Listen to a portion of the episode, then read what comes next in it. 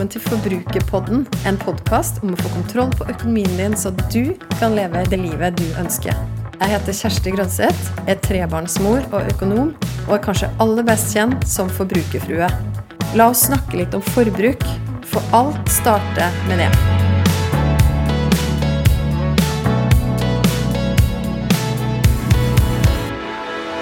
Rett før innspillinga av denne episoden her, gjorde jeg noe jeg ikke har gjort siden jeg brakk halebeinet i vår. Jeg løp en tur!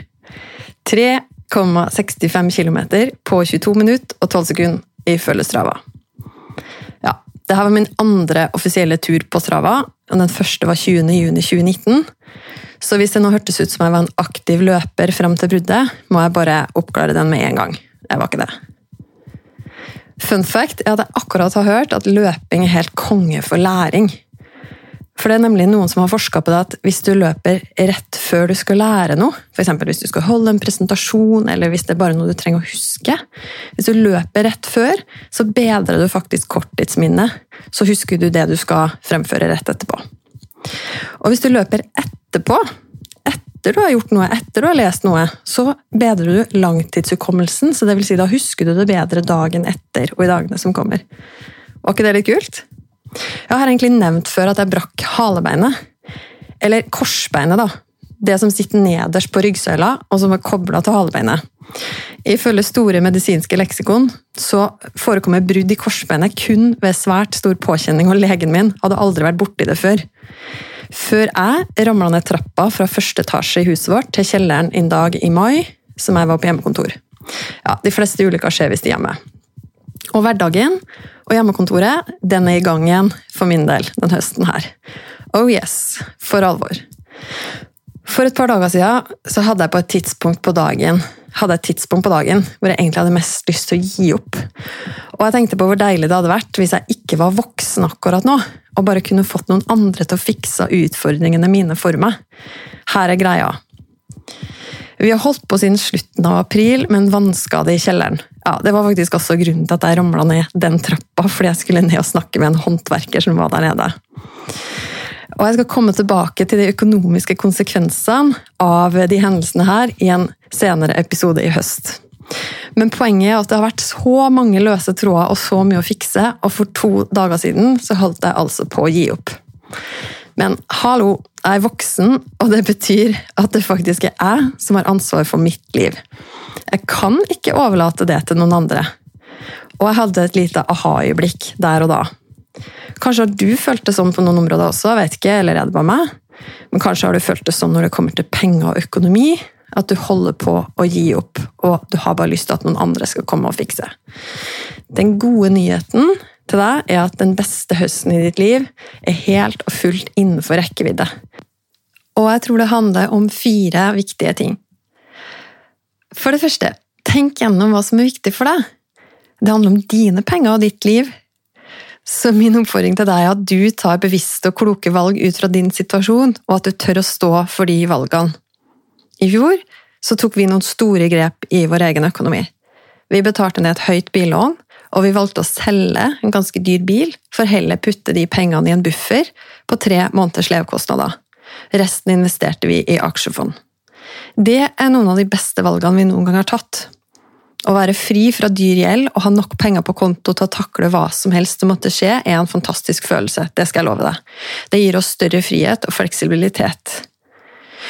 Jeg har tro på å ta de store, litt tøffe grepene når det er nødvendig. Har du null kroner på konto i dag, så må du prioritere å spare opp, så du har penger stående i tilfelle noe skulle skje.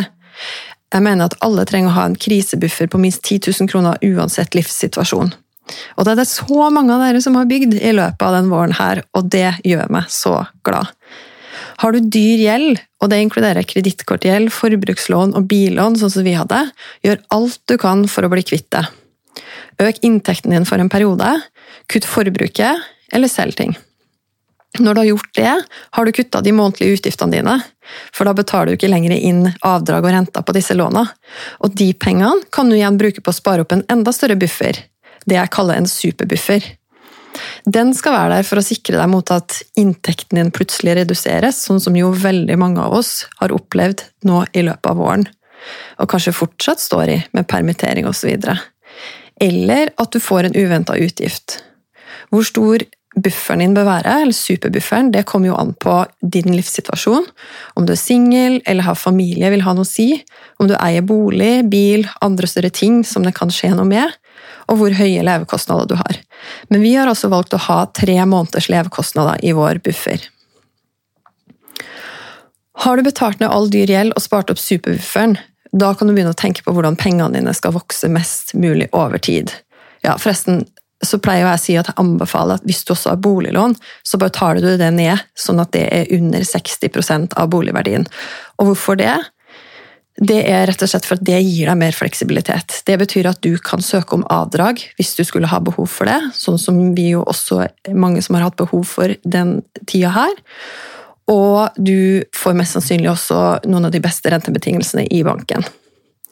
Men har du gjort det, da, og fortsatt ønsker å finne ut hvordan pengene dine kan vokse mest mulig over tid, har du noe du ønsker å spare til på lang sikt? Ønsker du å bygge deg opp en formue, eller vite at du har nok penger den dagen du slutter å jobbe?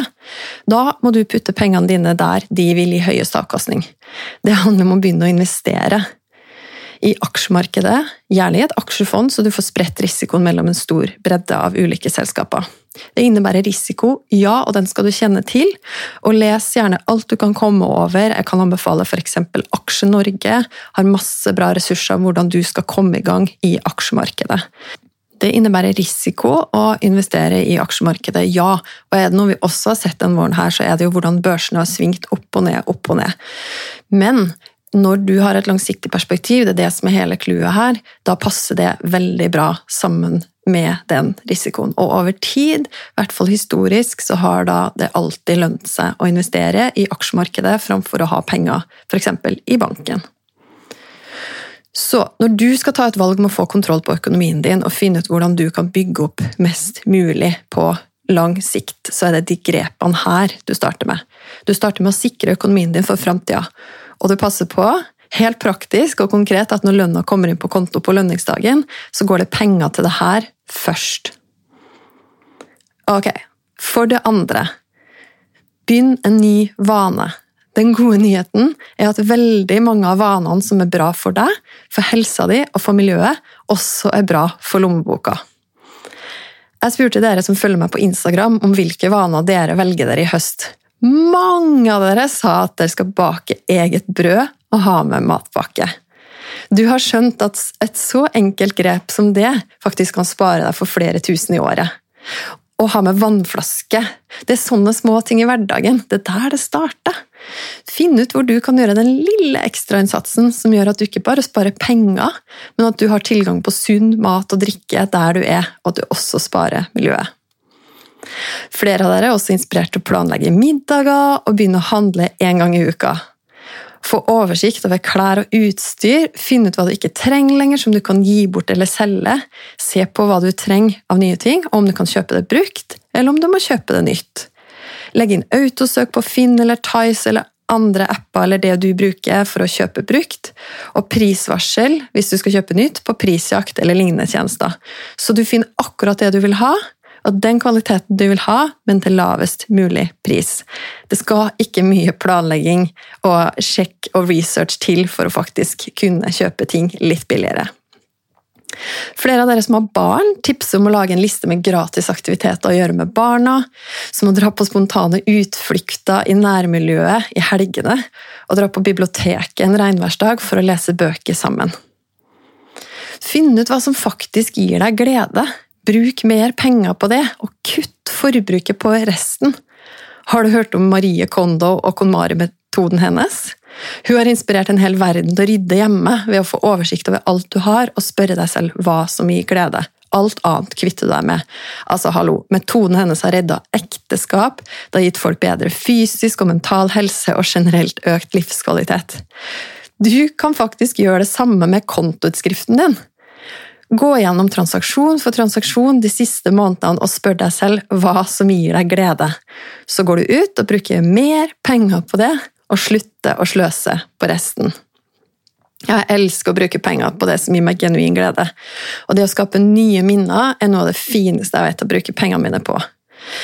Ja, Og så er det jo som vi alle vet at det ikke alltid er det som koster mest, som gir mest igjen. Og det har den sommeren her vist oss. Latter eller spontan allsang i bilen, bringebærplukking i hagen, blåbærtur i skogen. Helt gratis alt sammen. Samtidig mener jeg helt klart at lykke også kan kjøpes for penger. En latte med perfekt stima melk? Hello! Dere som kjenner meg, vet at jeg kan reise langt for å få tak i en god latte en overnatting på et fint hotell eller en gave til noen som betyr noe for meg. Poenget er at du finner de tingene der, og så gidder du ikke sløse på noe annet. Og en siste vane. Har du noe du ønsker deg som du vet vil gi deg glede, men som koster litt? Begynn å spare til det. Ikke kjøp det på avbetaling. Ikke kjøp det på kreditt.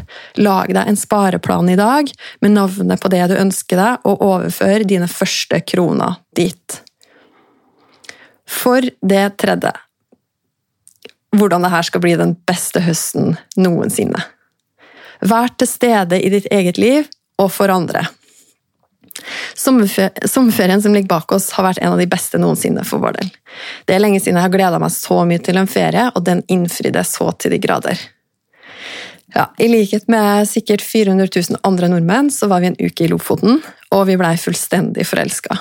Jeg husker jeg sto på en av fjelltoppene vi gikk opp på, kikka rundt meg på de grønne fargene, pusta inn i den friske lufta, så ned på den kritthvite stranda og det klare havet og tenkte nå, nå er jeg til stede.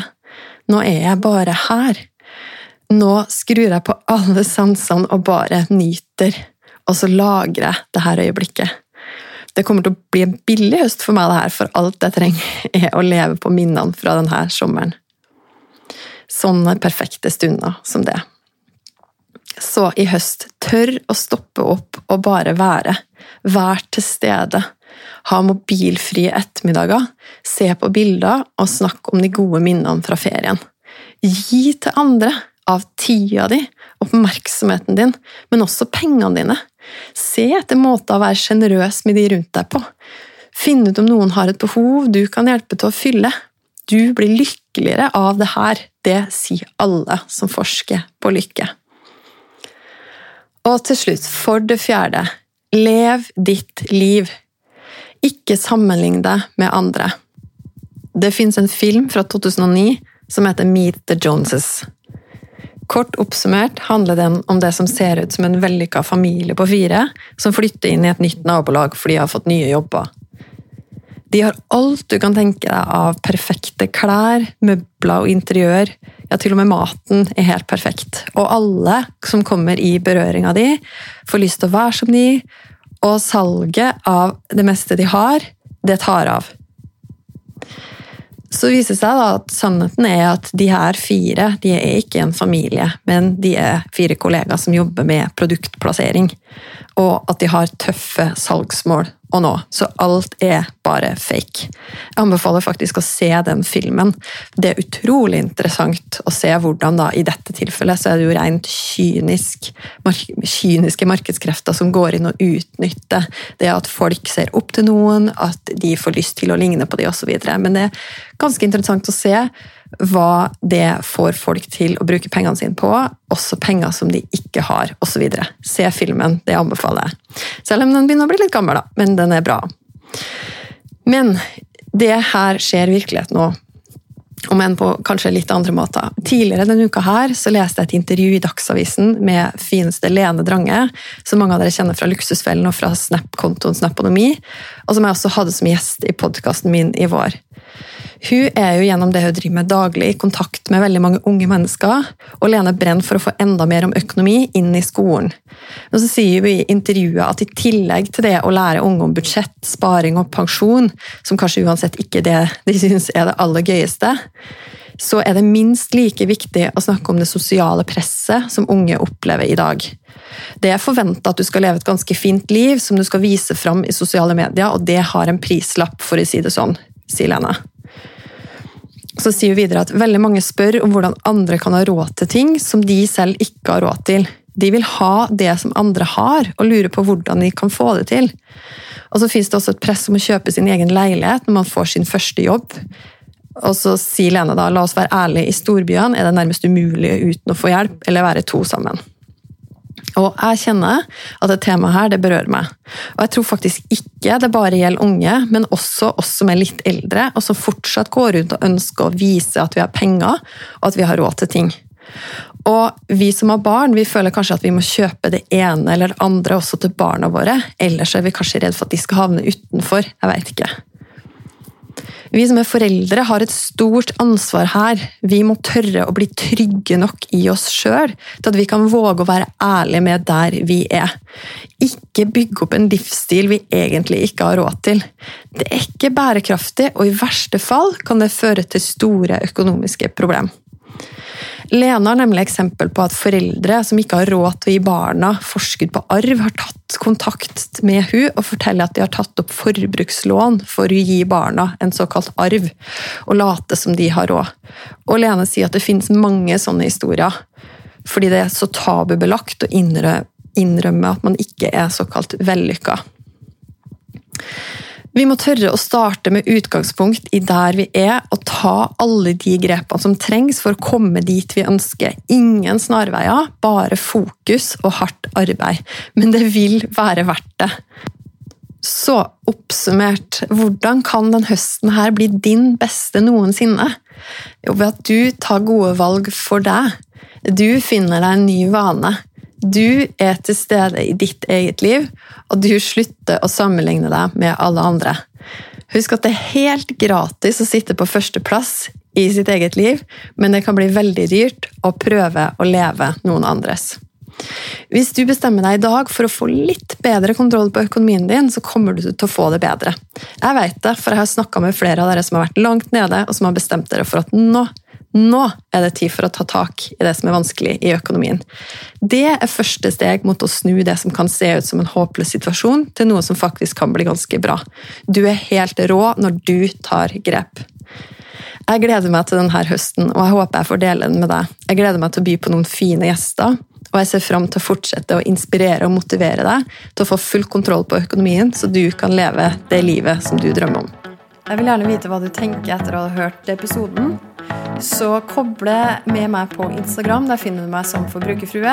Send meg en melding. Tagg meg gjerne i Story og del episoden her hvis du likte den.